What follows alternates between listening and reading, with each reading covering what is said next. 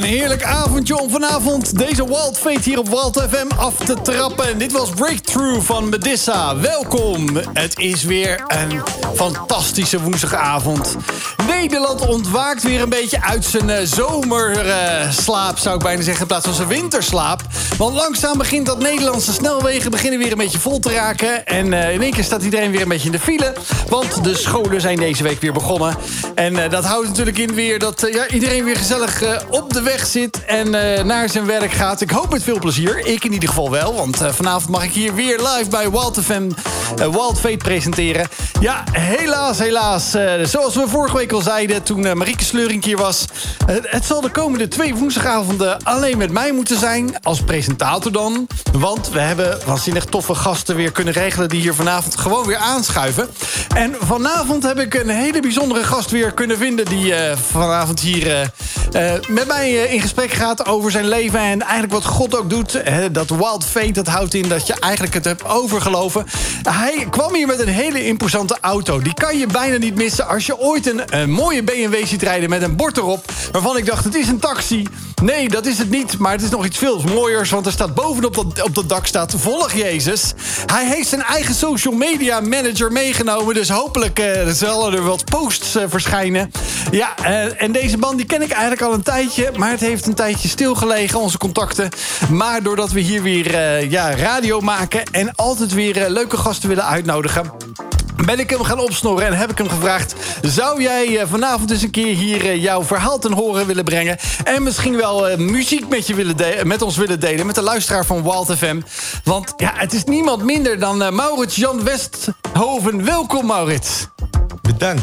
Ja, leuk dat je er bent. Ja, dat vind ik ook. Ik zou bijna zeggen helemaal uit Almere... maar dat was de plek waar je ooit bent uh, geboren, getogen en bent opgegroeid. Want tegenwoordig woon je in het uh, mooie Hardingsveld, Giesendam. Ja, ik moet zeggen, dat bevalt ook een stuk beter. Ik heb altijd gezegd, als ik de stad uitga, dan wil ik dorpelijk. En ik, ik woon in een mooie buitenwijk van het langste dorp van Nederland, zeggen ze. Hardingsveld, Giesendam. Ja. En dat is heel prettig wonen. Ja, maar uh, het is wel gewoon midden in het westen, hè? Dat blijft altijd druk.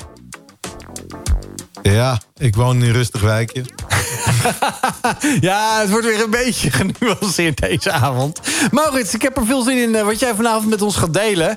Uh, jij hebt in ieder geval uh, een eigen song meegenomen... maar jij hebt er echt tientallen gemaakt, als ik het even zo bekijk.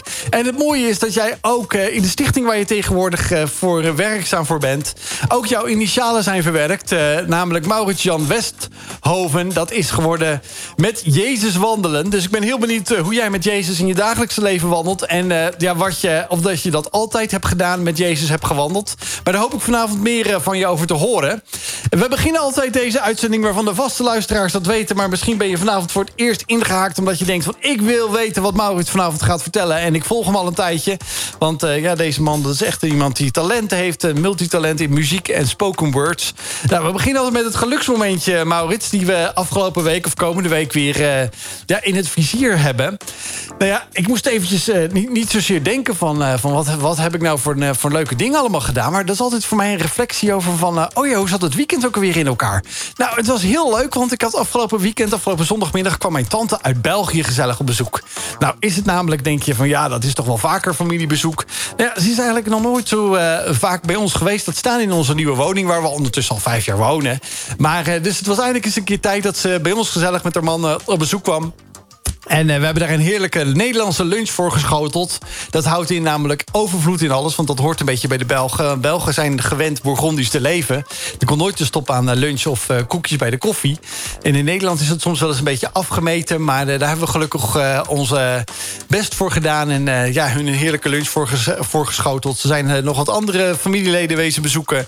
Dus kortom, nou, dat was wel een beetje mijn geluksmomentje van afgelopen week. Heb jij ook nog iets leuks meegemaakt deze week?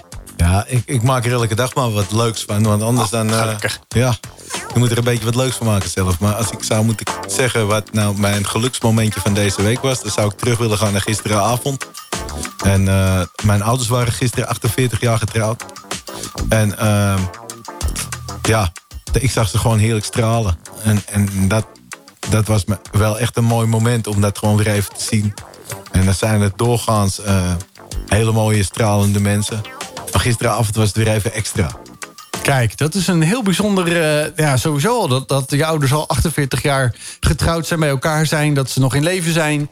Dat is wel heel bijzonder. Dat is uh, zeker. Ja, zitten ze ook, wonen ze nog steeds in Almere? Ja, zeker. Nou, ik hoop dat ze dan uh, afgestemd zijn op Almere op 97.4 om vanavond natuurlijk even naar jou uh, te luisteren. Ik heb ze er zeker op geattendeerd. Kijk, wie weet zit er nog een uh, bruidspaar... Oh nee, een uh, bruidspaar wat 48 jaar getrouwd is in uh, Almere... gezellig mee te luisteren vanavond. Wij gaan eventjes lekker luisteren naar Keep On Moving. We zijn zo terug, want ik ga namelijk eventjes... een van onze vrienden van de show proberen te bellen... als onze techniek meezit. Welkom terug bij Wild Fate hier op Wild FM. We zijn hier weer een heerlijke woensdagavond aan het vullen. Vanavond met Maurits Jan Westhoven. Als die Jan altijd genoemd moet worden, weet ik niet, Maurits. Maar daar gaan we zo meteen meer over horen. Want ja, we hebben natuurlijk weer het, uh, het itempje wat niet kan missen. En dat is dat wij... Nieuws van onze vrienden. Nieuws van onze vrienden. Nou, dat is eigenlijk een vriendin van de show. Want uh, ja, we hebben Dieter Kouwmouw eventjes uh, ingebeld. En als het goed is, gaat het allemaal een beetje werken.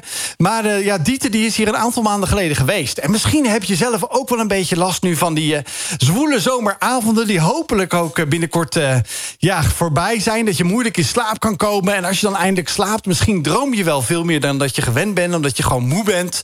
Nou, Dieter was hier omdat zij onder andere een boek heeft geschreven... over hoe God de nacht gebruikt in, uh, in het bijzonder ook dromen wil gebruiken. En wat voor een uitleg daar eigenlijk uh, bij komt. Nou, Dieter heb ik daarom eens eventjes gebeld van... nou, ja, hoe moeten we misschien wel omgaan? Niet zozeer met de warmte, maar met een droom.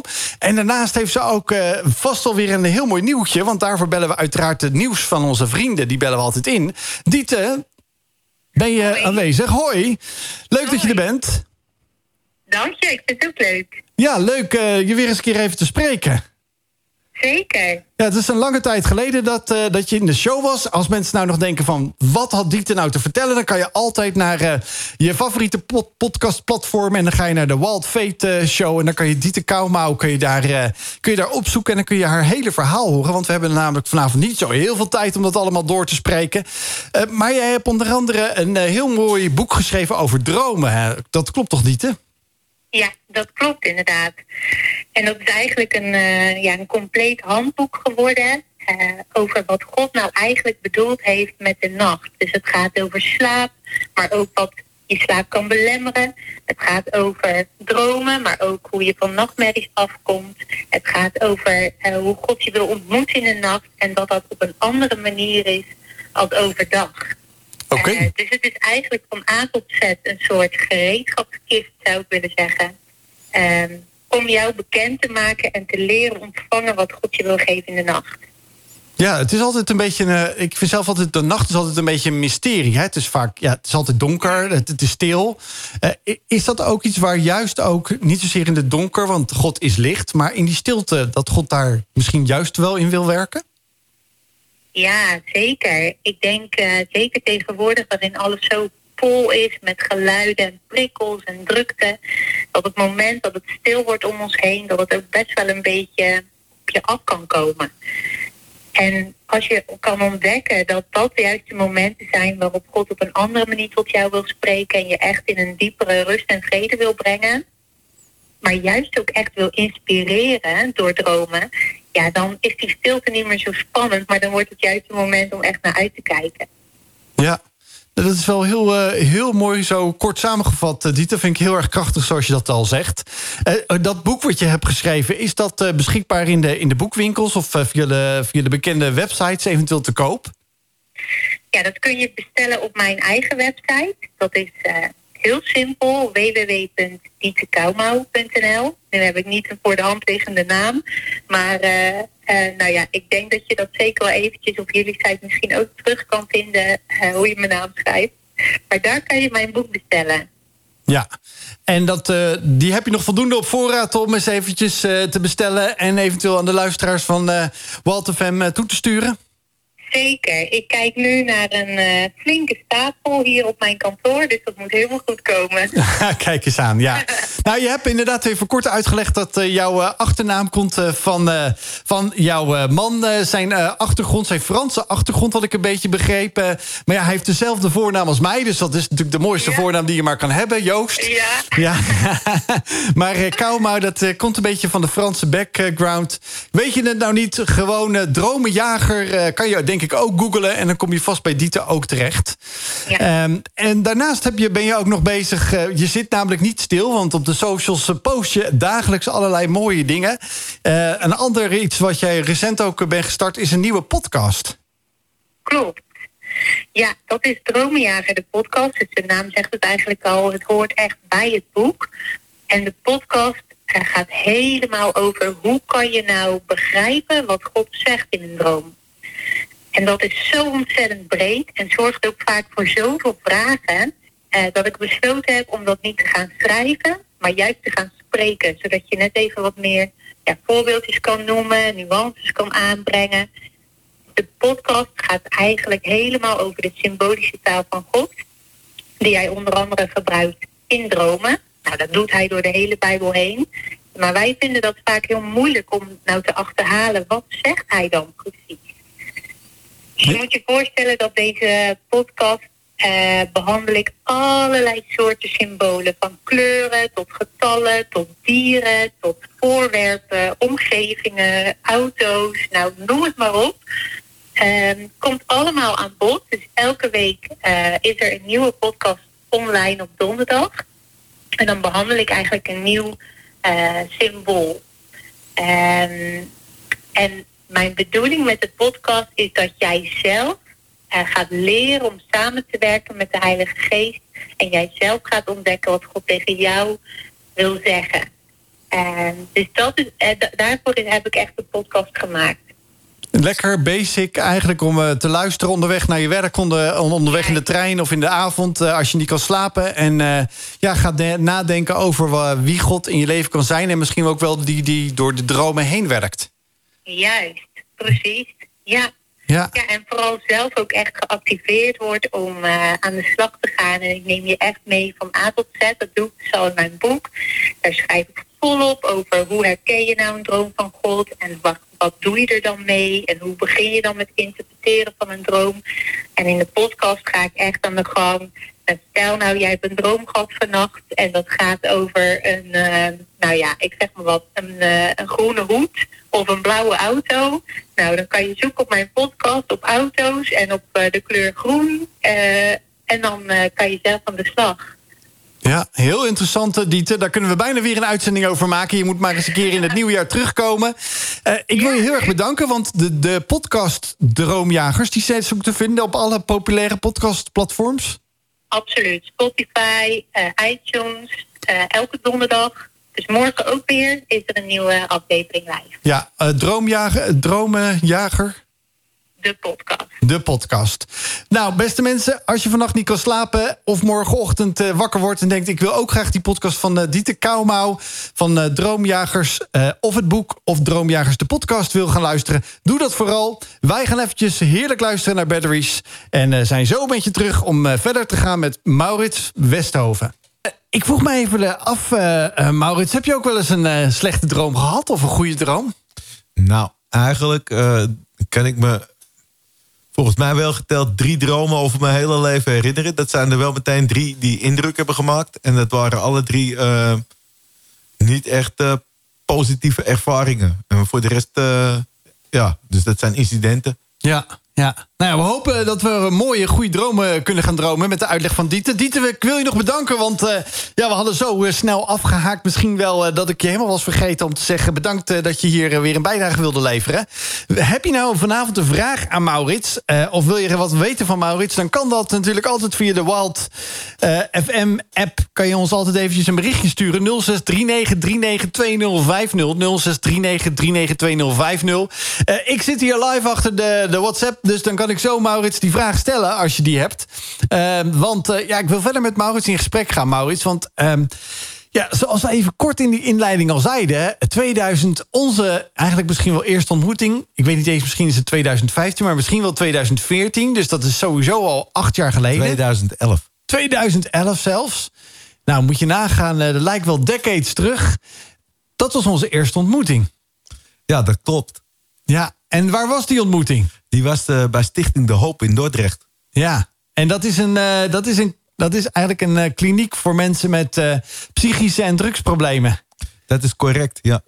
en daar was jij waarschijnlijk niet om daar eventjes een bezoekje af te leggen. Nee, en ook niet vanwege mijn zweetvoeten. Nee, nee dat, dat dacht ik al aan Maurits. En waarvoor was jij daar bij De Hoop? Nou, omdat ik best wel een puinhoop van mijn leven had gemaakt. En ehm, ja, ook best wel een boel uh, drugs gebruikte. En ik op een gegeven moment tot de ontdekking was gekomen... dat het leven dat ik leefde, dat, uh, dat anders moest... en dat ik dat op eigen kracht niet ging redden. 2011, dat is een uh, elf jaar geleden. En daar, daar, toen je daar was, was het al een puinhoop in je leven. hoe is dat zo een beetje tot een puinhoop gekomen? Want je begint meestal met een schone lei als je je leven begint. Nou, daar kun je ook nog je vraagtekens bij zetten. Maar goed. meestal, hè, zeg ik ook. Ja, ja.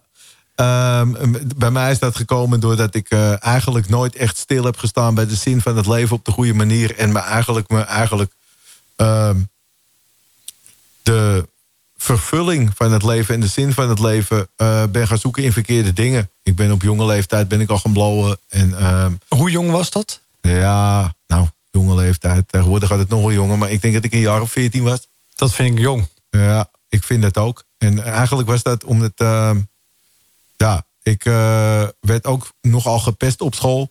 En ik, uh, ja, ik hoorde er ik was altijd een beetje een buitenbeentje. Ik hoorde er nooit echt bij. Heb je enig idee, uh, was het omdat je dun was, dik was, groot was, klein was, bril droeg, geen bril droeg? Ja, enig idee? Kinderen verzinnen altijd wel wat. Ik ja. ben zelf opgegroeid in Saudi-Arabië. En ik ben als zes zesjarige jongen zijn we teruggekomen naar Nederland. Ik ben gewoon in Nederland geboren, maar Anderhalf jaar later zijn we eh, vanwege mijn vaders werk als gezin... hebben we een aantal jaar in Saoedi-Arabië gewoond. En toen ben ik ja, dus grootgebracht op een internationale school. En dan kom je in Nederland en ik heb daar nooit kunnen wortelen. Ik was altijd toch anders. Beetje rossig haar. Dat heb ik ook nog toen ik een jaar of negen was... heb ik uh, best wel een flink auto-ongeluk gehad... waardoor ik een flinke kras op mijn hoofd heb, zeg maar. Uh, dat werkt ook allemaal niet ten goede mee. En als je daar gewoon... als je daar niet vanaf het begin, denk ik, op een goede manier mee omgaat... dan ja, dan word je al gauw een makkelijk, uh, hoe noem je dat? Target. Ja, maar een makkelijke target om, uh, ja, om, om te pesten. Ja. Ja, je, je hebt, we, we zeiden het net, ik zei het net eventjes gekscherend. Meestal heb je een goede start. Maar als, alleen als ik dit al hoor... het ligt niet aan jou dat je in het buitenland mooie tijd hebt meegemaakt... en een ongeluk, ja, dat zit eigenlijk bijna in een klein hoekje, denk ik. Uh, kortom, er zitten allerlei dingen al in het, in het voorverhaal. Ja, maar dan, het is nooit de excuus natuurlijk. Kijk, nee. ik had er ook anders mee om kunnen gaan. Maar ik heb gekozen om de weg te vluchten uit de realiteit. Problemen niet onder ogen te komen. Dat te dempen. En ik denk eigenlijk al voor die wiet deed ik dat door middel van computerspelletjes. Uh, ja, we hadden toen een Commodore 64 in die tijd. Ik weet niet of mensen dat nog kennen. Maar ja, dan kan ik nog met een bandje erin... en dan op precies op het juiste moment hem uh, aan en uitzetten, toch? Ja, ja, goed. Dus dat, dat ging zo. En later werd het een beetje blauw achter de Playstation. En, uh... Ja, maar hoe... Um, je, je zegt ook wel vaak, hoor je dat een beetje... dat de omgeving, de mensen met wie je omgaat... dat is natuurlijk aan de ene kant een keuze. Aan de andere kant word je soms ook getrokken naar die mensen toe. Hm. Uh, en dan kom, krijg je in één keer zo'n... Uh, ah, wij zijn al blauwe, wil je, er ook, wil je er ook eentje hebben of zo? Zo gaat dat. Ja, zo ongeveer wel, ja. Zo laagdrempelig is de instap van een, van een ja, ik, blootje. Ik, was ook, ik, ik, denk niet dat ik ooit... in ieder geval voor mijn gevoel bewust bekend gemaakt was... met de gevaren daarvan. Dus mensen deden dat en, en die hadden daar schik in. En ja, dus waarom niet? Gewoon eens proberen. En denk, hé, hey, ik sta even niet, bij de, niet stil bij de problemen van de dagelijkse dingen die niet zo lekker gaan. Dat is wel fijn. Nou ja, van het een kwam het ander.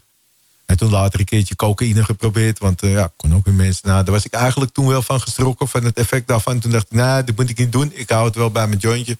Nou, toen later toch wel. Kijk, het leven zit vol met tegenslagen. Ze zeggen wel eens. Um, van uh, alcohol maakt meer kapot dan je lief is. En ik heb ook wel eens een parodie daarover gehoord van... Uh, van het leven maakt meer kapot dan alcohol kan goed maken. Maar goed, dat is ook eigenlijk waar. Want alcohol maakt niks goed. En het leven, er gaan dingen kapot in het leven. Niemand heeft alleen maar voorspoed. En uh, bij mij was het zo dat op een gegeven moment toen uh, de stormen in het leven toenamen.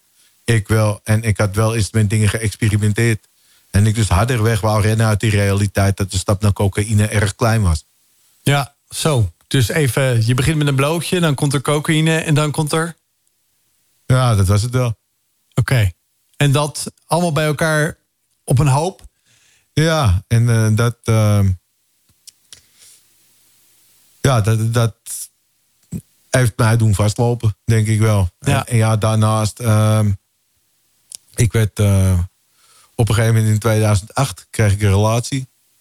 En toen was ik eigenlijk... Ik, ik, ik heb um, van ergens rond van 2000 tot 2003 heb ik ook een driejarige relatie gehad. En toen dat op de klippen liep, ben ik eigenlijk, uh, heb ik mijn eerste periode van echt heftig drugsgebruik. Want ja, toen ben ik overspannen geraakt en toen kwam ik thuis te zitten. En uh, ja, toen heb ik mijn tijd uh, niet echt op een wijze manier opgevuld, zullen we maar zeggen. Ja. Achteraf. Maar goed. Je, je, hoort ook wel eens van, dat is eigenlijk ook had ik oneerbiedig gezegd, het levende bewijs dat dan hier zit. Dat vaak als dit soort heftige dingen gebeuren... je heel erg een keuze moet maken. Blijf ik het goede doen of val ik in uh, ja, slechte gewoontes... of slechte uh, middelen die het, de boel dempen... maar uiteindelijk een diep gevoel dat daar nog veel meer achter zit. Dat, dat klopt dan wel een beetje? Ja, maar goed, ik was op een gegeven moment... mijn ouders die hebben mij altijd gesteund door dik en dun. En ik heb toen, daar toen toch een soort van op eigen kracht ben ik afgekikt van de cocaïne... Maar ja, dat ben ik eigenlijk gaan doen door gewoon een stuk meer te gaan blowen. En uh, ja, misschien was ik wel uh, van alles nog wel het meeste workaholic of werkverslaafd. Of als je dat zou mag noemen. Maar dat was voor mij ook een vlucht uit de realiteit. En wat voor werk deed je toen op dat moment? Ja, ik heb eigenlijk voornamelijk altijd in de logistiek gewerkt. Ik ben, werkte toen in 2008 werkte ik ja, bij een elektrotechnische groothandel als voorman. En ehm, ja, daar was ik dus was ik een soort van zelf afgekikt van de cocaïne. Maar ja, uiteindelijk liep ik nog niet helemaal nuchter door het leven. En, maar ik had het voor mijn gevoel ook niet slecht voor elkaar. Ik had gewoon een baan en ik kon mijn dingen bekostigen. Dus ja, het is, wie doe je er kwaad mee, was het dan al gauw. Maar toen kreeg ik een nieuwe relatie. En zij werd eigenlijk al aan het begin van die relatie werd zij zwanger. Dus ik zou vader worden. En dat heeft mij wel echt aan het denken gezet. Want uh, ja, ik had eigenlijk die hoop al opgegeven. Omdat die, in die eerdere relatie hadden we dat geprobeerd. En dat was niet gelukt. En op een of andere manier had ik het mezelf aangerekend. Maar nu dacht ik, ik word vader. Dus nu moet het anders. Dus ja, toen ging ik nadenken over... van wat wil ik dan? Maar goed, in die tijd... Uh, ik was ook de kostwinnaar meteen van ons tweeën. En ik zat op een kamertje weer bij mijn ouders... een beetje de, de ja, toch een beetje de puinhoop van mijn verleden net weer een beetje ja, wat op te bouwen, zeg maar, te uh, herscheppen. En uh, toen, uh, ja, toen moest er dus uh, iets anders komen. Dus ik ben eigenlijk zeven dagen per week gaan werken. Om, ik, ik ging, wat ik was dan van één uur s middags tot, tot 12 uur s avonds. Nee, van drie uur s middags tot 12 uur was ik voorman in de elektrotechnische groothandel. En dat was van ochtends 10 uur tot middags één uur ging ik dan een beetje broodjes erbij bezorgen... via een, lunchbedrijf van een vriend van mij. En uh, die, die, dat, via diezelfde organisatie deed ik dan in de weekenden... op zaterdag en zondag deed ik een keukentje runnen op een hockeyclub in Huizen. En uh, ja, zo'n eenmanskeukentje. Ja, ja, dat hield me ook wel nuchter. Want ik was gewoon zeven dagen per week onder de pannen. Ja. was, dat, eh, was dat een vlucht omdat je dacht van er komt een nieuwe tijd... en omdat ik vader ga worden? Nou, of was dat om je juist, eh, nou ja, noem maar eventjes inderdaad uh, nuchter te houden? Nou, het was een beetje een combinatie van. Ik, ik had nog zo'n filosofie in die tijd. Van tijd is geld, maar het meeste geld wordt uitgegeven om tijd te verdrijven. Dus ik had bedacht, als ik meer geld, tijd bezig ben met geld te verdienen... en ik heb minder tijd om het uit te geven, dan kan ik wat opbouwen. Ja, maar ondertussen zat het nog wel dat je hoorde dat je vader zou worden. En daar wil ik eh, zo meteen eventjes eh, meer van je over eh, weten. We zijn in gesprek met Maurits. En ja, we hadden het net even voor de muziek over... dat hij ja, echt een puinhoop van zijn leven aan het maken was eigenlijk. En daar zag hij opeens een lichtpuntje. Want nou, vaderschap zou misschien wel wat kunnen brengen.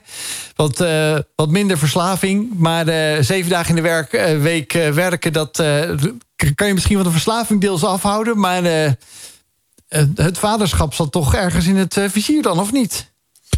Ja, ik ben inmiddels dus ook vader van een zoon van inmiddels alweer 14 jaar oud. En het is een enorme zegen, maar ja, het is niet goed begonnen. Nee. Want uh, ik ben dus, toen zij zwanger werd... Um, en ja, even korte inleiding. Zij was, uh, ik heb haar leren kennen via een, tante van haar die bij ons werkte.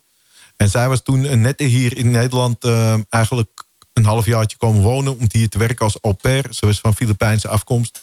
Maar haar bedoeling was toen niet om hier langer dan een half jaar te blijven. Maar ja, we werden verliefd. En uh, ja, toen veranderde alles. Zij werd zwanger. En toen, het geluid is een soort van weg. Het geluid is weg, ja. Wacht even. Ja, daar zijn we weer. Juist. Nou, toen, uh, toen moest er dus een boel gebeuren. Want ik, ik, ik moest garant voor haar gaan staan. Anders had ze niet in Nederland kunnen blijven. Dus er moest een verblijfsvergunning geregeld worden. Er moest een verbl uh, verblijfplaats komen. Nou, ik zat op een kamertje bij mijn ouders, het schoot ook niet helemaal op. Dus ik, uh, ik had dat financiële fundament ook nodig om een huis te kunnen kopen. Want ja, door omstandigheden kon ik ook niet huren.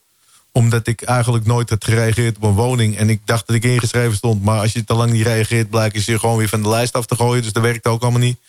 Dus in de top van de huizenmarkt eigenlijk uh, een huis gekocht. En ja, nou ja, later uh, dan had ik wel van dien bergafwaarts. Dus uh, ik kon er ook niet echt weg, zeg maar. Maar goed, uh, uiteindelijk is dat, heeft het heel gunstig uitgepakt. Want ja, daardoor kon ik mijn huis behouden uiteindelijk. Maar goed, dat is een, een, een brug verder weer.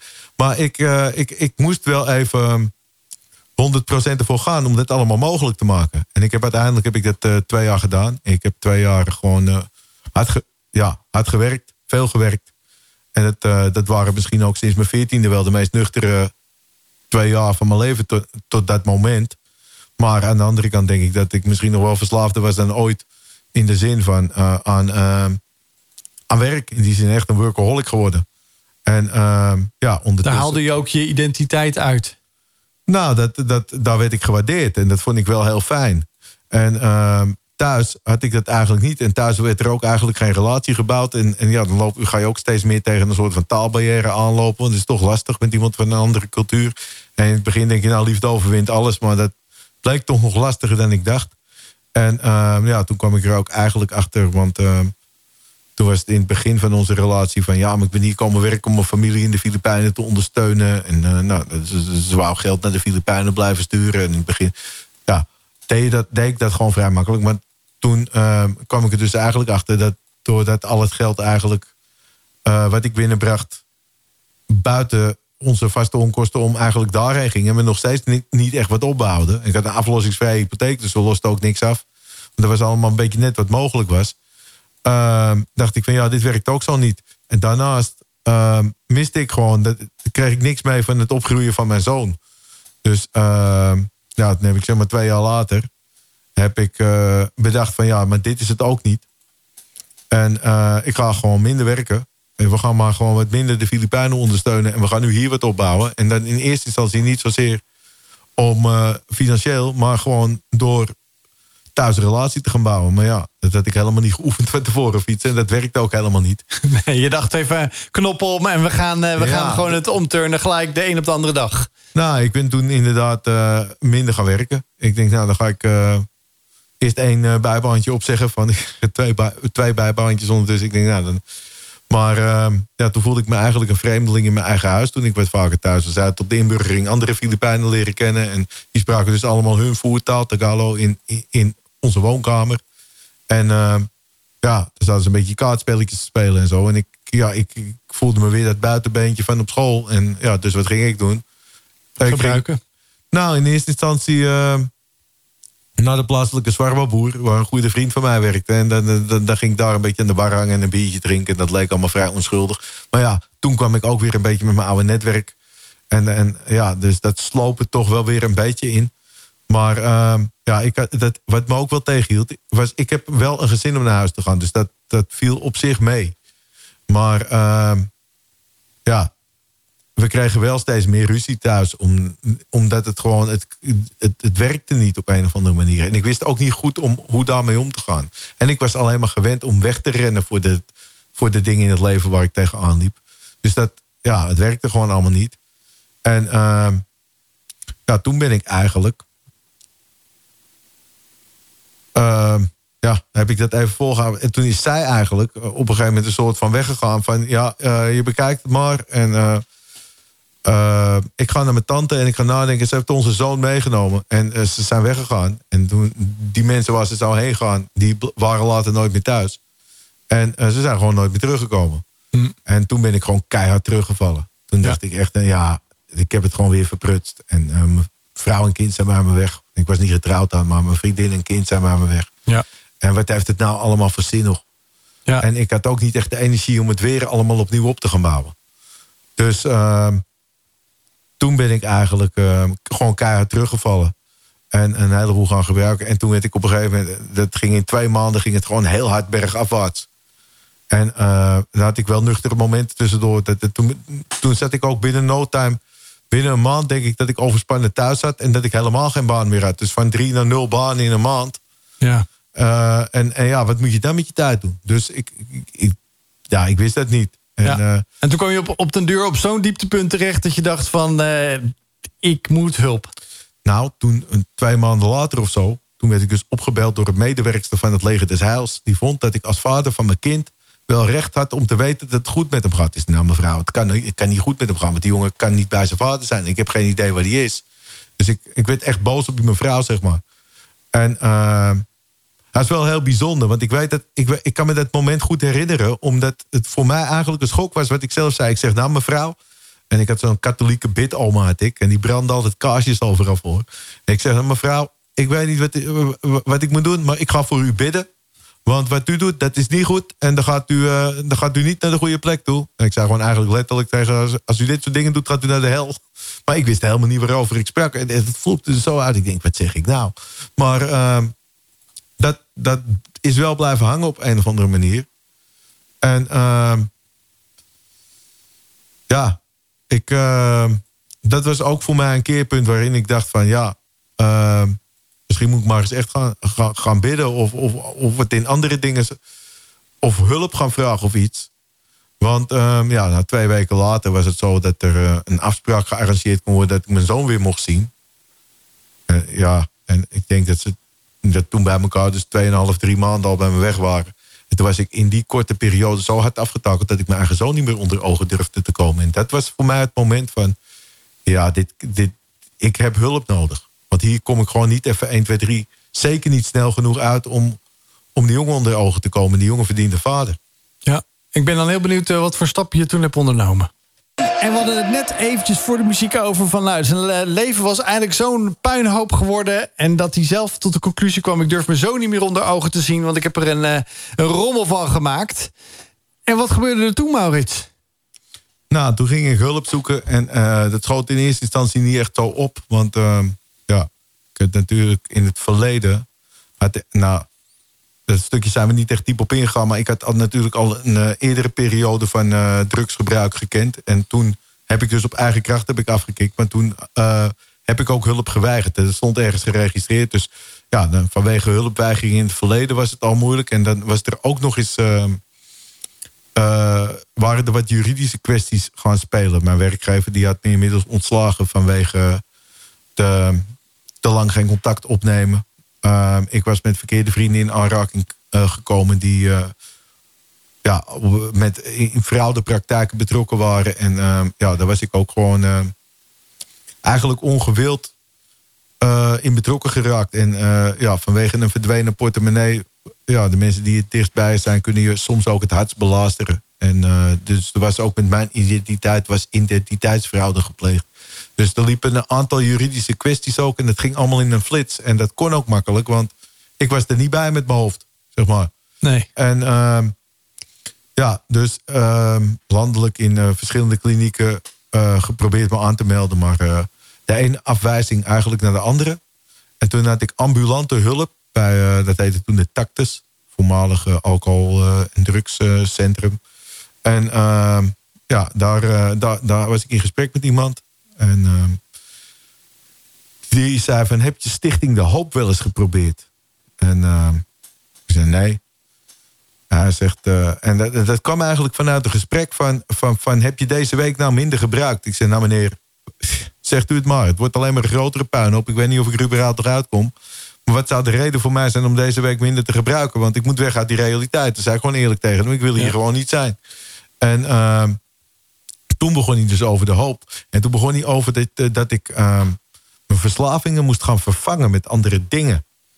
En ehm, ja, achteraf, nu kan ik gewoon zeggen, ja, die man had gewoon gelijk. En eh, het is, ik ben ook uiteindelijk naar Stichting De Hoop gegaan. Dat is ook de start van uiteindelijk wandelen met Jezus. Met Jezus wandelen, ja. Ja, want bij de hoop hing zo'n tekst aan de muur van... red degene die ter dode zijn gegrepen... want zij wankelen ter doding, zo gij u onthoudt. Nou, dat klinkt een beetje moeilijk allemaal... maar dat, dat was wel hun levensvisie van, van, van, van zie om naar anderen. En als iemand staat te wankelen... dan ondersteun hem en help hem. En zet, breng hem terug op de rechte weg. En die mensen hadden een hart voor mensen... wat, wat verder ging dan wat ik tot dat moment in mijn leven had meegemaakt. En... Uh, ze hadden ook zo'n slogan van de hoop gelooft niet in hopeloze gevallen. Ja, nou, dat uh, kwam mij prima uit. Want uh, waar ik voor andere instanties een hopeloos geval was... zag de hoop het anders en die dachten dat er wel hoop was. En ik had toen nog geen idee of dat waar was. Maar ik was al lang blij dat er iemand was die mij wou helpen. Ja, nou dan laten we daar dan de tweede uur eens even verder over doorpraten. Wat voor een fantastische turning point dat geweest is... Eh, toen je daar in Dordrecht bij de hoop binnenstapte. En vooral wat eh, je nu vooral je, je hart uh, gevuld is met betere dingen dan, dan het drugsgebruik. Want daar zijn veel mooiere dingen voor teruggekomen. Daar gaan we lekker tweede uur eens even over doorpraten met je, Maurits. Precies, nieuwe verslavingen. We zijn in gesprek met, uh, of ik ben in gesprek met Maurits... want helaas is Marije er vanavond uh, niet bij. Uh, dus ik heb het hele nou ja, studiohuis voor me alleen. Nou, dat heeft zo zijn voordelen. het heeft ook zo zijn nadelen... want dan moet je nog op nog meer schaakborden... of nog meer dingen tegelijk schakelen.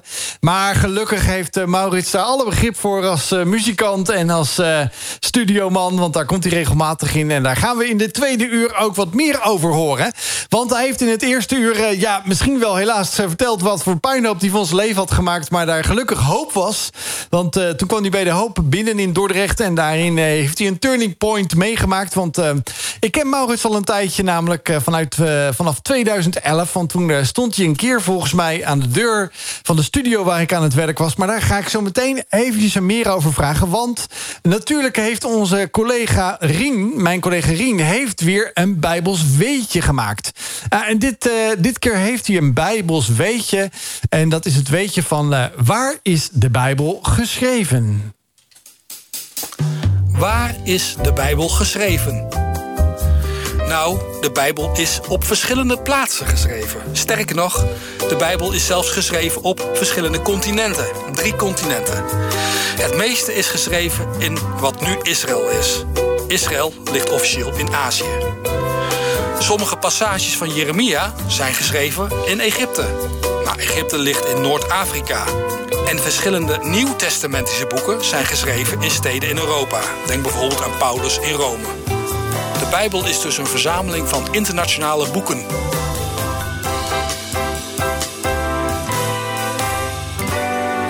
Is gewoon zo'n nummer waar je niet bij stil kon blijven zitten. Shackles Praise You. Nou, dat is misschien ook wel wat Maurits ook juist ook uh, wil bereiken... dat de mensen misschien wel een beetje gaan bewegen op je muziek. Maar we hadden het even over 2011, Maurits. Toen uh, kwam jij eigenlijk bij mij, uh, volgens mij aan de studiodeur van... Goedemorgen, goedemiddag. wat doen jullie hier? Weet je dat nog een beetje?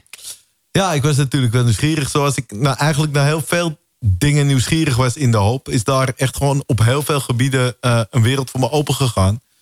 En uh, ja, dat, uh, toen uh, ja, kreeg ik ook in 2011 voor het eerst een Bijbel. En, en die heeft gewoon ook letterlijk mijn leven veranderd. En de medewerkers van die hoop hebben daar een hoop in betekend. Maar uiteindelijk draait het allemaal ineens om die God. En, en, en ja, overal waar ik dan vroeg van wat beweegt je. Dus en ja, want, want, want, even, want dat is misschien wat je in de context hebt gemist in het tweede uur of in het eerste uur. Want Maurits die zei van uh, uh, dat er iemand met hem sprak van een uh, andere kliniek. Die zei: Nou, je zou eens bij de hoop moeten gaan. Maar je moet ook je leven is het, het drugsgebruik, de, de ellende die je hebt, invullen met nieuwe goede dingen. Want daar is het eigenlijk ook een beetje toen dat turning point gekomen. Toen kwam je bij de hoop terecht. En daarin kwam de hoop is een christelijke organisatie, begrijp ik dan. Ja, de hoop is de evangelische zorginstelling, zeg maar. En uh, ja, die eh, deden dingen vanuit een ander perspectief. En die gingen mij dus dingen uitleggen vanuit een Bijbel die ik helemaal niet begreep. Maar er stonden allerlei dingen in die Bijbel waarvan ik denk, hey, dit klopt. En een van die dingen was dus inderdaad dat we onszelf tot slaaf of verslaafd maken aan dat wat er heerst in ons leven. En ik, ik had inderdaad allerlei middelen, maar ook patronen, gedragspatronen, dingen die mijn leven beheersten, die ik dus uh, anders moest gaan doen. En uh, ja, ik kon toch geen kant uit. ik zat uh, intern en de, de, de, hoop is zeg maar een dorpje waar uh, zo'n 300 cliënten tegelijk ongeveer kunnen verblijven. En daar, daar hoef je ook niet vanaf. Daar was van alles. Er waren sportfaciliteiten. Ja, ehm, er werden allerlei dingen georganiseerd. Er was een radiostudio. Dus ja, dat vond ik natuurlijk. Ik had altijd al wat met muziek. Dus daar ben ik ook even wezen kijken bij jou. Van joh, wat doen die mensen daar? En uh, ja, dat was allemaal vanuit een veel positievere insteek dan dat ik gewend was. Dus dat triggerde natuurlijk. Dat vond ik leuk. Ja, en toen ben je, ben je dacht je van uh, dat triggerde mij om uh, een nieuwe stap te doen met positieve dingen die uh, juist op een positieve manier je leven ja, vulden. In plaats van het gebruik in drugs of het wegvluchten in werk. Ja. Maar andere positieve dingen. En dat was die muziek. Dat was onder andere de muziek, ja. En uh, toen, uh, ik had in mijn jeugd wel eens een blauwe maandag uh, pianoles gehad. Maar ik was niet verder gekomen in de toonladder van C, voor wie dat wat zegt, zeg maar. Maar gewoon een beetje basisliedjes. en, ehm, maar dat was wel ergens blijven hangen. Dus ik, ik ging dat weer eens oppakken. En er stonden er overal, in, in, bijna elk gebouw stond ook wel een piano. Dus je kon altijd wel ergens achter gaan zitten. En ik ben het gewoon mezelf weer een beetje eigen gaan maken. En ehm, ja, ook omdat ik dus een Bijbel kreeg waar ik niks van begreep. En ik eigenlijk altijd al uh, door mijn leven heen heel veel met muziek heb gehad. En heel veel levenslessen ook gehaald heb uit muziek. En dat ook gebruikt heb. Als ik bepaalde thema's wou bestuderen, deed ik op school al. Dan ging ik de gedichtjes over schrijven. En dergelijke. En dat helpte mij om stof mijn eigen te maken. Dus wat ging ik doen? Ik ging een soort van gedichten maken over de Bijbel. Om mezelf te helpen om dat ding beter te begrijpen. En ja, dat, van het een kwam het ander. En toen, nu is het een uit de hand gelopen hobby... die is uitgegroeid tot een stichting, zeg maar. Ja, en dat is, uh, dat is een beetje met je eigen initialen geworden... met jezuswandelen.nl. Ja, en nou, ik had dus, uh, ik hoorde net uh, de website van die mevrouw en niks te nadelen van nou, dat is al gauw. Hè. Ik had ook een website www.mauritsjanwesthoven.nl. Ja, en ik had, ik had zoiets van, ja, god, heb me ook bij naam geroepen. Er is niks mis mee. Ik mag gewoon Maurits Jan Westhoven zijn. Maar ergens, um, ja, ging het mij zeker omdat ik het op een gegeven moment ook wel breder wou gaan maken dan alleen mezelf. Uh, wou ik dat helemaal niet, dat het allemaal om mij ging. Want ik, ik had ineens wat te vertellen. Ik had ook gewoon altijd zoiets gehad. Dat was eigenlijk de reden waarom ik zelfs nooit muziek schreef. Omdat ik niet het idee had van dat ik de wereld iets te melden heb. Dat, dat, dat, dat, dat ik iets zinnigs te zeggen had. Nou ja, en de Bijbel die heeft mij daar toch een ander inzicht in gegeven. Dus ik had ineens wel het idee dat ik wat te vertellen heb. Maar dat ging niet meer om Maurits Jan Westhoven. En toen was het eigenlijk uh, ja, in een bijbelstudiegroep van een kerk... waar ik toen later in 2012 terecht was gekomen... was uh, daar een jongen en uh, die zei dat een beetje gekscherend zo van... eh, ja, waarvoor maak je er niet met Jezus wandelen van? Hij zei, nee hoor, dat, ik zeg maar wat. Maar dat was zo raak ineens. En dat, ja, dat is toen, uh, denk ik, twee jaar lang een uh, idee gebleven. Maar uiteindelijk hebben we de stichting zo genoemd. Hebben we de website Maurits Jan Westhoven weggedaan. Nu hebben we www.metjezuswandelen.nl. Zelfde initialen, hetzelfde logo, maar minder Maurits en meer Jezus. Want dat is wat mijn leven heeft veranderd. Ja, want je zegt ook net van, uh, ja, ik ben bij die hoop geweest. Daar hebben mensen me eigenlijk een, ja, meer verteld. Die hebben gezegd van, ja, maar er is, er is meer in het leven. Uh, nou, hier heb je een bijbel. Ga eens kijken of hier wat levenslessen in, in opgenomen kunnen worden voor jezelf. Je denkt, ik vind het eigenlijk te moeilijk boek. Of althans te moeilijk voor mij. vind ik het belangrijk om het te onthouden. Ik ja, gebruikbaar mijn talent om dat in gedichtenvorm te zetten. En die gedichten die liepen zo lekker op een melodie... dat je dacht, laat ik er ook muziek onder zetten. Ja, zo is het eigenlijk wel gegaan. Kijk, nou, dat is eigenlijk uh, een hele mooie drie, uh, drie-stapsraket al geworden. Ja, en uh, ja, dat doe ik nog steeds met veel plezier. En we hebben onder andere ondertussen ook wel... ik weet nog dat we bij jou in de radiostudio... toen een van de eerste liedjes hebben opgenomen... want er kwam op een gegeven moment kwam er een van die teamleiders van de hoop die kwam naar me toe van... joh, maar je schrijft die liedjes wel. En ik was ook een beetje aan het hobbymatig aan het opnemen op mijn laptop. En zei hij van, maar zou je iets met je muziek willen doen? Nou ja, ik zat zwaar in de schuld. Ik, ik, had er, ik had niet eens een bankrekening, want ik mocht geen inkomen ontvangen omdat die fraudekwestie nog liep en zo. Ik zei, joh, ik heb geen financieel fundament om überhaupt iets te kunnen, maar ik vind het wel leuk om de mensen mee te bereiken. En hun hebben toen bij jou in de radiostudio van de eerste acht liedjes hebben ze, wat gingen we op werkweek naar Zwitserland. Nou, uh, dat hield gewoon in dat we met op een soort excursie gingen. En dat zou dan afgesloten worden met een bonte avond. En toen hadden ze dus vanuit de medewerkers van De Hoop het initiatief genomen... om 500 cd's met mijn liedjes te laten drukken... om daar uit te delen aan alle gasten en medewerkers. En zo is het eigenlijk begonnen. Ja, nou, dat is een heel bijzonder verhaal. En ik ben uh, heel benieuwd uh, naar uh, een van jouw eigen songs. Maar dat, gaan we zo meteen eventjes naar, naar DJ Maya... I'm, gonna I'm Alive eventjes beluisteren. En ik zie Maurits zijn hand. Helaas kunnen we nog niet mee live meekijken. Maar ik zie Maurits zijn hand drukken op de tijdmachine. Dus nou, daar gaan we. We gaan alles in werking stellen. Voor die tijdmachine waar we weer instappen samen met elkaar. En ik ga die deur eens even openen... Want Maurits, wij gaan ons klaarmaken om uh, ja, te vertrekken samen met de luisteraar. En we gaan ons klaarmaken om naar welk bijbelgedeelte toe te gaan. We gaan naar het boek Jona. Jona, dat is in het Oude Testament. En daar gaan we ons nu uh, aftellen, want het is een hele tijd terug. Jona. En ik ben heel benieuwd wat jij ons gaat vertellen. En waar jij de luisteraar mee naartoe gaat nemen in het verhaal, het Bijbelboek Jona.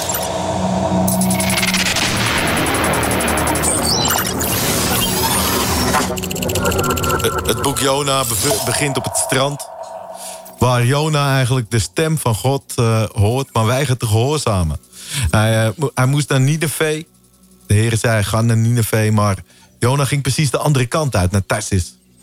En uh, het herkenbare van dit verhaal is... en ik geloof dat ook voor velen van ons... dat, ehm, dat wij wel vaak weten wat het goede is... maar dan toch gaan we iets anders doen. Of we gaan pontificaal de andere kant uit. En uh, Jona gaat, stapt op een boot. Hij gaat de verkeerde kant uit. Maar de Heere God, de schepper van hemel en aarde... laat een storm opsteken. En eh, terwijl de hele bemanning in paniek raakt... ligt Jona te slapen in het ruim. En ze maken hem wakker.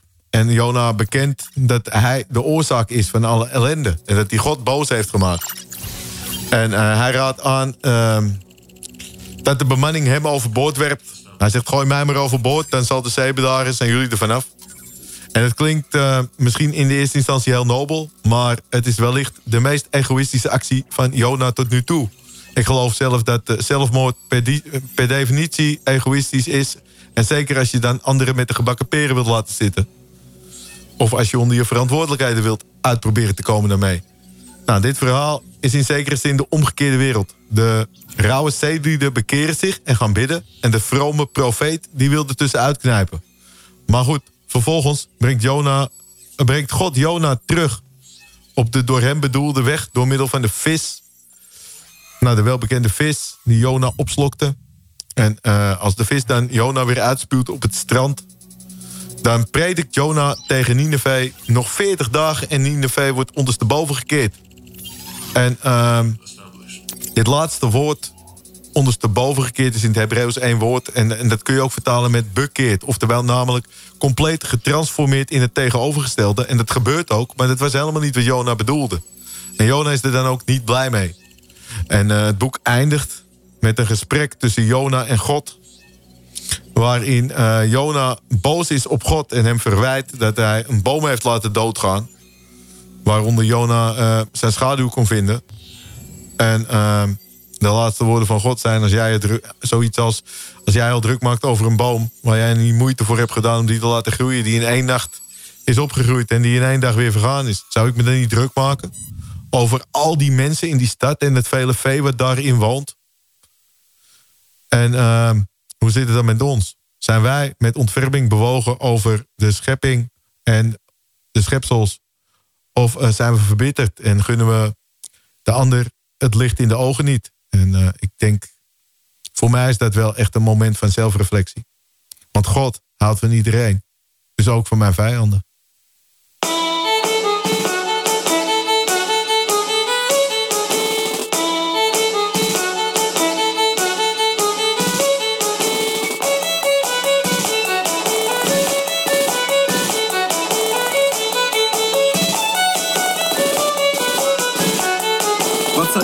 Gedachten.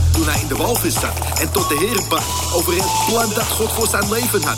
Een tijd van bezinning, om een plan te trekken, om opnieuw te beginnen. Zijn ik als te onderwerpen aan de levende God. Rebellie te verwerpen en zich bekeren tot een betere bestemming. En het beste te geloven, de mens is wijs in eigen ogen. Gods plan gaat over, uit de schoot van de dood bracht zijn hart een smeekbeden. En God die is getrouw om onze zonden te vergeven. Hoe hij breekt met zijn ego en zich richt tot hem. Is zijn genade overvloedig, zijn plannen ongekend. Geen diepte te diep, geen berg hoog. God is daar, voor het ieder die gelooft. Zo ook voor Jona, die bad vanuit zijn hart. Op de derde dag maakte hij een nieuwe start. Toen Jona de walvis 1, 2, 3.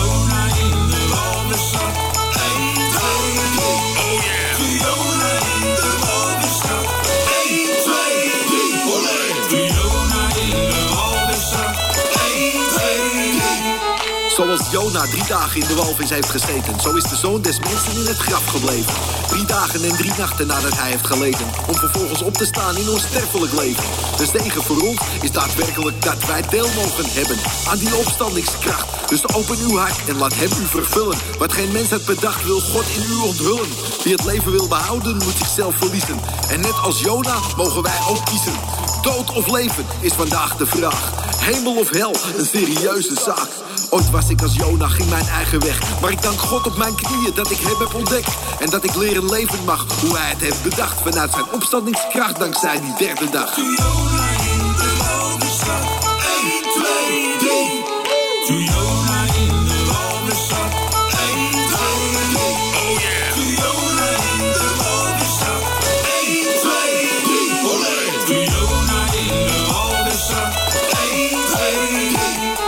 Is God ook voor jou, serieus. Het is heus. Zet die stap en maak vandaag de keus. Net als Jona toen hij in de walvis zat, kan ook jij kiezen om op te staan uit het graf. Voor het ware leven, van God gegeven. Op de derde dag, die van de dubbele zegen. Hij zag dat het goed was. En zie, zoals Jona in de walvis zat. 1, 2, 3. Jona in de walvis zat. 1, 2, 3.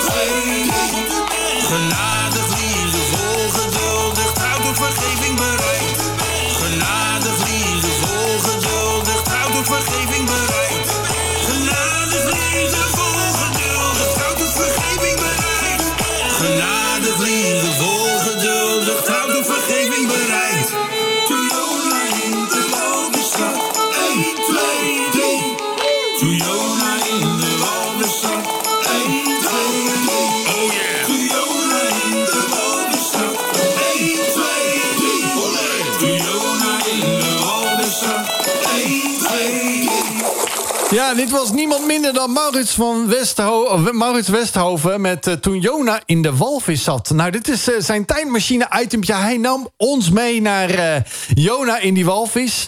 En dat is een boek uit het Oude Testament van de Bijbel. Dat zijn maar vier hoofdstukken. Het is een heel klein boekje. Het is een heel inspirerend verhaal, zoals Maurits al zei. Nou, dit is een mooie... Ja, korte samenvatting, dat lied. geïnspireerd door dat Bijbelboek, neem ik aan, Maurits. Ja, dat is correct. Ja. Ja. En eh, dit is een van de vele dingen die je doet, hè? Want ik heb, eh, je kwam hier met een heel eh, arsenaal aan leuke dingen allemaal binnen. nou ja, onder andere Jona. Daar heb je zelfs een, een, ja, een hele... eh, DVD. DVD meegemaakt samen met Johan Schep. eh, met animatie en wel. En dat is misschien heel erg leuk, want eh, we gaan hem even op de socials zetten. Of laten zetten vanavond of morgen. Dan pl- plaatsen we hem eventjes en dan verloten we onder degene die hem graag zouden willen hebben. verloten we deze dan. om weg te geven aan iemand en op te sturen. Want dat doen we bij Wild Fate graag van harte dingen weggeven. En dit is dan dit keer van jou, Maurits. Dat is hartstikke leuk. Maar ehm, als iemand nou niet uitgeloot wordt... dan Ja. eh, zou ik die willen aanmoedigen om even een mailtje te sturen... naar info.metjezuswandelen.nl. Want wij geven ze sowieso gratis weg. Er staat ook achter op al onze producten... dit product is niet bestemd voor verkoop... maar uitsluitend als gift. En dat is eh, dus inderdaad zoals we net hebben geschetst... hoe dat begonnen is in de hoop, doen we dat nog steeds. Ik heb eh, vijf jaar geleden samen met... wat broeders en zusters deze stichting opgericht... juist om dit te kunnen doen en om dat ook een brede draagvlak te kunnen geven. En eh, dus mocht iemand eh, het leuk vinden om een van, van onze producten te ontvangen... dan eh, stuur een mailtje en dan sturen we die gewoon gratis op. Oh, kijk nou, info at. Dan kan je al die dingen gratis krijgen. Ja, dan is het voor mij eigenlijk ook al gelijk. dan zeg ik gewoon, ga allemaal naar die website met jezuswandelen.nl. En dus of stuur gelijk een mailtje nu met je mobieltje... of op je tablet waar je achter zit. Info eh, met jezuswandelen.nl. Kijk even op die website, want er zijn eh, hele leuke dingen... eh, die, eh, die gemaakt zijn, eh, onder andere eh, met Maurits... de stichting waarbij hij eh, werkt, ehm, of voorwerkt. En we hebben eigenlijk nog één ding nog te goed even, Maurits. Want eh, we moeten wel doen wat we beloven, zeggen we altijd hier bij Wild Fate. En dat is eh een van de volgende dingetjes die we nog eventjes moeten instarten. Kom maar, kom maar, kom maar met je mening. Wij hebben namelijk wekelijks een poll die wij eh, altijd uitzetten. En ook deze week hadden wij weer een poll uitgezet. Eh, of vandaag eigenlijk. En wil je nou graag gewoon lekker meedoen... omdat je graag zouteloos je Nederlandse mening wil geven... dan moet je vooral eventjes eh, naar de, de Walt FM of de Walt Foundation eh, socials gaan... en zorgen dat die bij jou in het verhaal in de story langskomen. Want dan had je deze week kunnen lezen... dat de poll van deze week was... naar aanleiding van het eerste uur van Maurits. Dus heb je het gemist, ga dan morgen gelijk eventjes die podcast naluisteren... want hij vertelt daar heel inspirerend ook... hoe hij vooral een turning point heeft meegemaakt. Maar deze week was het blowen is normaal. Nou, gelukkig, Maurits, kan ik je verklappen... dat toch 86% dat niet normaal vindt. En volgens mij ben je daar wel dankbaar voor vandaag de dag. Ja, zeker. Ja, en dat het heel goed is... en dat we misschien voor die 14% toch wel moeten zeggen... ga je leven anders invullen met mooiere dingen. Dat zou ik zeker mensen aanraden. En wat voor mooie dingen ze dan allemaal zouden kunnen doen... dat heb je nou, eh, daar hebben we net wat over geluisterd. Over toen, je, eh, toen Jona in die walvis zat. Nou, dit is eigenlijk een van de vele dingen die je bent gaan doen. Maar je zei gekscherend gezegd ook eh, nog voor, voor, het, voor het tijdmachine-itempje dat eh, toen je op eh, excursie was in Zwitserland... eh, de medewerkers het gekscherend als een verrassing hadden. Want is het ook een verrassing geweest... toen je in één keer 500 cd's van jou... jouw eerste pers, jouw eerste druk voorbij zag komen... en iedereen in die zaal een cd van jou kreeg. Wat, wat deed dat toen met jou? Nee, dat hadden ze wel van tevoren gevraagd. Dus dat was in die zin geen verrassing. Maar dat was wel hartstikke leuk. De reacties waren ook super positief. En ja, we waren toen met allemaal van die busjes. Nou, hoeveel mensen staat er in zo'n busje? Een stuk of acht? Ja, negen soms, maximaal. Ja, precies. En het waren aardig wat busjes. Een stuk En, of eh, 30, 40. Die hadden allemaal een cd-speler. En die hadden allemaal die cd-speler. Dus mensen gingen dat meezingen en doen. En eh, ja, dus dat was hartstikke leuk. En dat gaf een enorme boost om alleen maar meer te gaan maken. Ja, want een van die eh, liederen die, jij, eh, die daar ook op die cd stonden... en die ook nu op één van je cd's op een dubbel cd staat... van eh, met Jezus wandelen in geest en waarheid... Die, kan je die ook gratis aanvragen trouwens? Die kun je ook gratis aanvragen voor mensen die geen cd-speler meer hebben. Of gewoon online dingen willen luisteren. Je kunt alles gratis downloaden op onze website ook. Ehm, Spotify staan we op.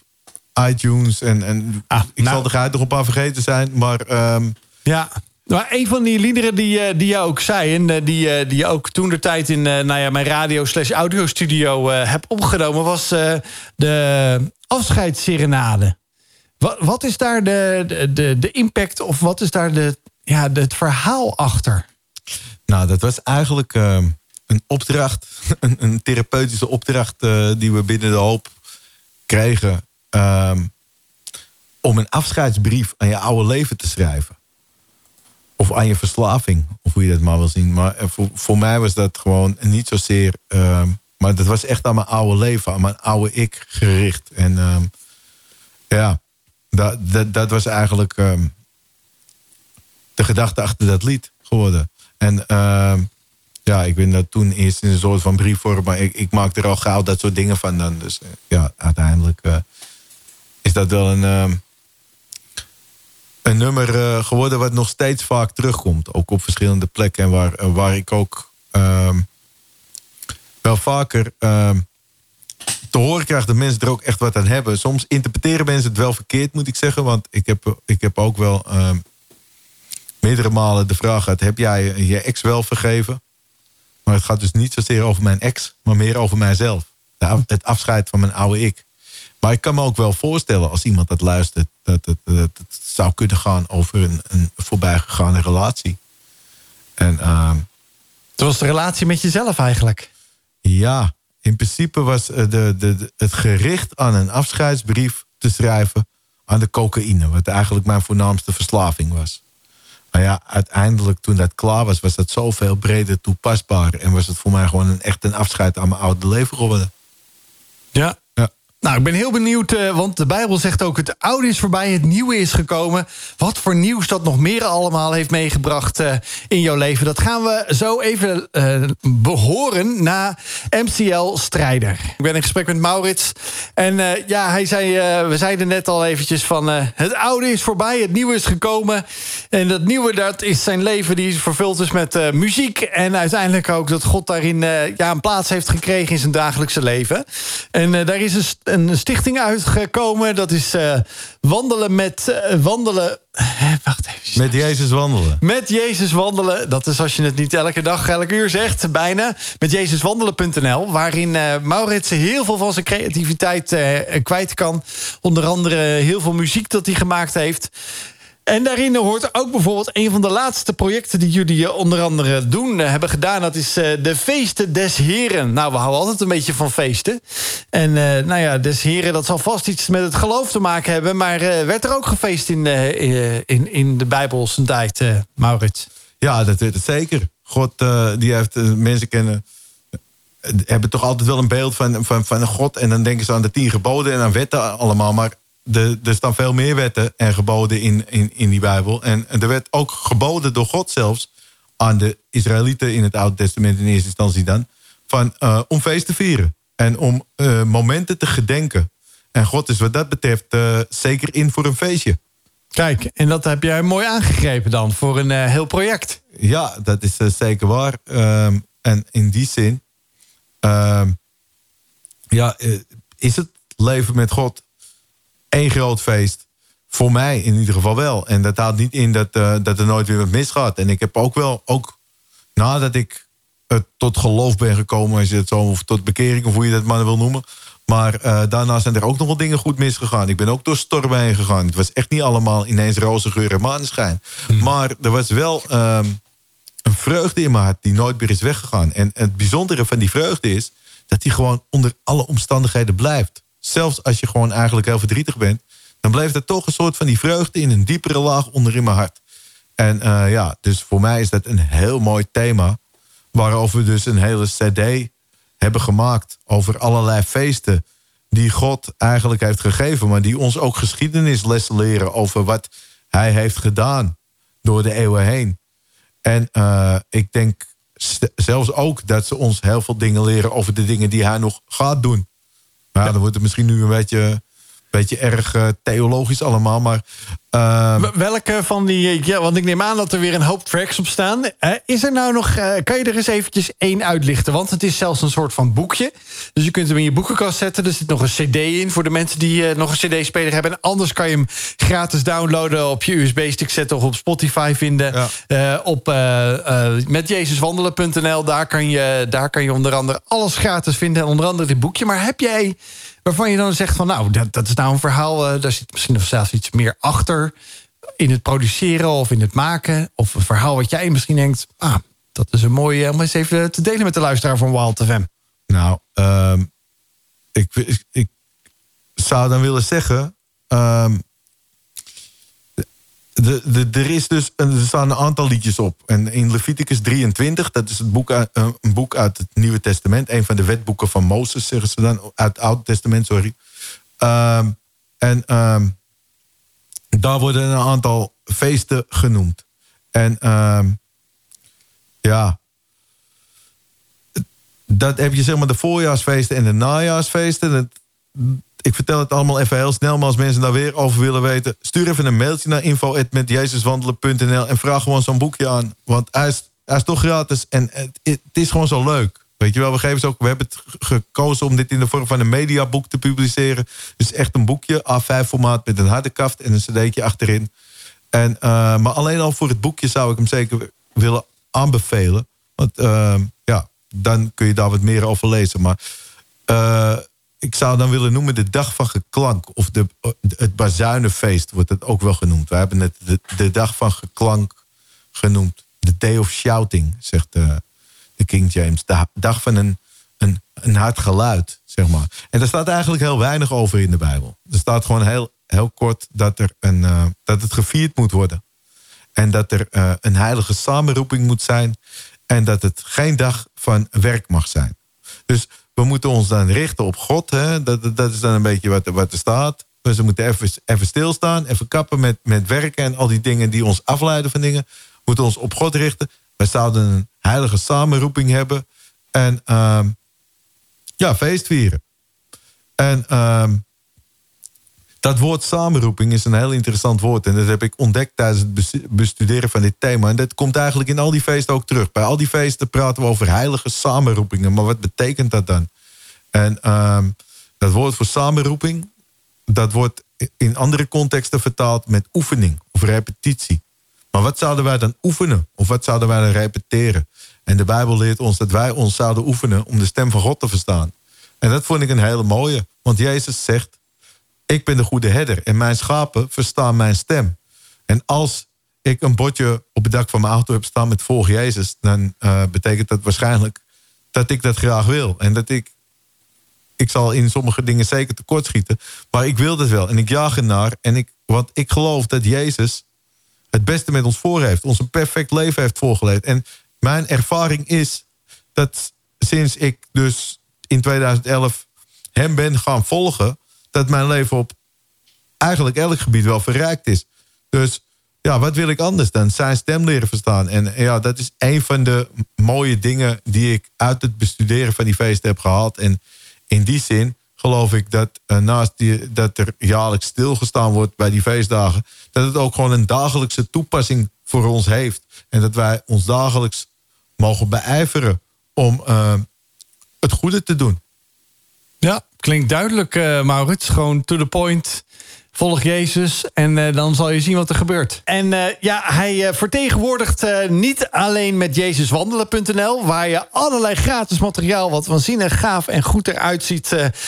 krijgen voor niks. Dat moet de Nederlander aanspreken... maar dan moet je wel even een e-mailtje sturen naar info.metjezuswandelen.nl.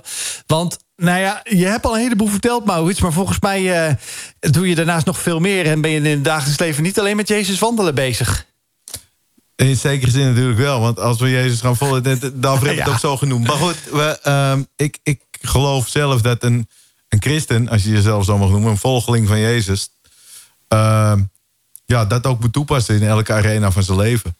En uh, ja, ik, ik ehm, werk bij een mengbedrijf wat eh, organische zout, zouten en zuren mengt tot veevoedingssupplementen. Nou, daar is op zich niks christelijks aan. Maar ehm, het is wel van origine een christelijk familiebedrijf. En wij beginnen elke dag met bijbellezen en gebed. En het merendeel van mijn collega's heeft dezelfde geloofsovertuiging als ik. Dus dat, dat, dat, dat helpt wel, of zo. Uh, om daarmee bezig te zijn. Om maar even nog even zo'n bijbeltekst zomaar even erin te gooien. Dat gelukkig is de mens die uh, op de juiste weg wandelt. Even kort samengevat, psalm 1. En Gods woord overpijnst bij dag en bij nacht. Ik bedoel, als je ergens vanuit wil leven, moet je er ook mee bezig zijn. Anders werkt het niet. Dus uh, ja, en als je dan als christen zijn de toonaangevend wil zijn in elke arena van het leven, dan pak je gewoon elke kans om daarmee bezig te zijn. Nou ja, ik heb dus uh, een hele fijne werkplek waar ik dat kan uh, beleven en, en daarmee bezig kan zijn tussen mijn werk door. En uh, ook mooie gesprekken met chauffeurs die bij ons komen en dergelijke. Maar daarnaast eh, ben ik ook bijvoorbeeld uh, betrokken geraakt in de afgelopen jaren bij Jezus Leeft, de politieke partij. En uh, ja, daar ben ik ook eigenlijk weer betrokken bij geraakt. Doordat ze mij ooit hebben gevraagd om een liedje voor ze te schrijven. Want zo gaan die dingen dan. Maar ook daarin ehm, vind ik het leuk om met het evangelie bezig te zijn. En dan kom je met evangelisatie. Dus dan waren we op een gegeven moment betrokken in de Mars voor Jezus. En, en, en, en de organisatie daarvan. En ehm, ja, ondertussen ja, run ik een eenpersoonshuishouden en, en, en werk ik... Uh, ja, niet om nou... Dat, ik werk nog maar 40, 50 uur in de week, zeg maar. Dat is voor mij, maar dat komt wel omdat ik mijn werk gewoon heel leuk vind. En omdat ik daar ook mijn geloofsbeleving in kwijt kan. En dus ja, ik doe best wel een boel. En ik heb een best wel volle agenda. En dan heb je ook nog tijd over om muziek te maken. Ja, dat heb ik zeker. Want uh, ja, als ergens, als iets je hart, dan moet dat eruit. Dat hou je toch niet tegen. Maar dat, dat houdt wel in dat ik geen tijd, tijd heb om, eh, om de hele avond achter Netflix te hangen. En ik bedoel, bijvoorbeeld, ik noem maar wat. Maar er zijn heel veel mensen denken dat ze nergens tijd voor hebben. Maar als je gewoon tijd ergens voor wil maken, dan is er eigenlijk altijd wel tijd voor. En eh, als je iemand zei ooit, en dat was nog voordat ik tot bekering kwam, zei er een, een, een medemuzikant tegen mij, waar ik nu nog steeds eigenlijk eh, goed mee samenwerk. Die zei tegen mij van, joh, Maurits, als je nou eens al die dingen die geen vrucht dragen in je leven uitgooit, en hij was toen al gelovig, hij zegt, eh, dan, dan moet je eens kijken wat God er voor mooie dingen voor terug gaat geven. En, en dat is het. Je moet gewoon, als je dingen wil in je leven, ehm, en je wil die goede strijd strijden, als je dat zo mag noemen, dan moet je daar ruimte voor maken. En dat, dan, dan heb je geen tijd voor andere dingen. Ja. En dan kom je erachter dat je eigenlijk toch best wel een heleboel tijd hebt. Ik zeg altijd, maar ik heb alle tijd. Ik heb zeven dagen per week, 24 uur per dag van God gekregen. Mhm. Ja, maar je moet ook nog even slapen hè? en goede dromen dromen. Want je hebt het van gehoord van Dieter vandaag. nee, maar Maurits, je hebt een heel boeiend verhaal verteld... waar we bijna nog een uur eh, mee zouden kunnen vullen... Uh, met de dingen die je hebt, uh, hebt gedeeld met ons als luisteraar, de luisteraars... waarin je hebt aangegeven... er is heel veel mooi materiaal gratis te krijgen... door even een mailtje te sturen naar info.metjezuswandelen.nl of ga even naar die website Jezus met Jezuswandelen.nl en kijk daar eens eventjes rond. En denk je nou van, ik wil gewoon eens wat lezen... en wat meer over Jona horen. Het bijzondere verhaal wat je gedeeld hebt. Met het verhaal, uh, met, met, de song die je daarbij uh, ook geschreven hebt. Hè, vanuit die, die inspiratiebron vanuit de Bijbel. dan heb je misschien ook vast nog wel mensen die het eerste uur ook nog zijn, al hebben gehoord. En die denken van wow, weet je wel, iemand die zo diep in de put heeft gezeten. Hoe komt het nou dat je zo ja, blij bent of zoveel vreugde weer hebt teruggevonden. Dat je daar, nou ja, dat je zelf zegt, ik heb die ja, die Bijbel, Jezus, God in mijn dagelijkse leven nu gevonden voor die leegte te vullen. Uh, wat kan je nog als een mooie bemoediging voor de luisteraar meegeven vanavond voordat we deze avond afsluiten? Nou, dan gaan we toch even terug naar het moment dat ik de hoop binnenkwam. En uh, dat, dat de hoop gelooft niet in hopeloze gevallen. En ik geloof dat de Jezus dat ook niet doet. En dat God dat, God, God dat ook niet doet. En dat ik doe dat dus ook niet meer. En er is hoop. Ook voor jou als luisteraar. En uh, dat, is, dat is prachtig. Want die hoop is er voor iedereen. En, en er is altijd wel iets om naartoe te leven.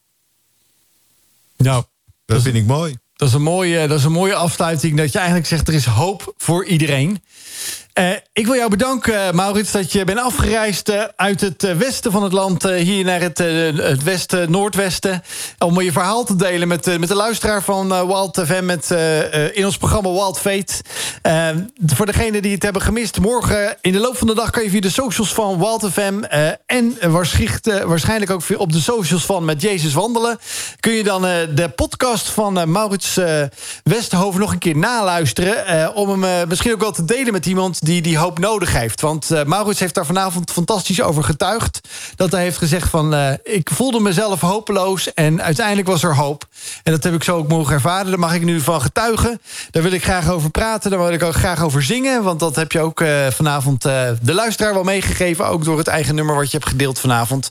Nou, ik wil eigenlijk mijn co-host die niks heeft gezegd... Joran, succes met de socials die je doet. En leuk dat je erbij was vanavond... om ook met Maurits op te trekken. Volgende week hebben we een bijzondere mediaman... met een heel bijzondere mediamissie in de uitzending.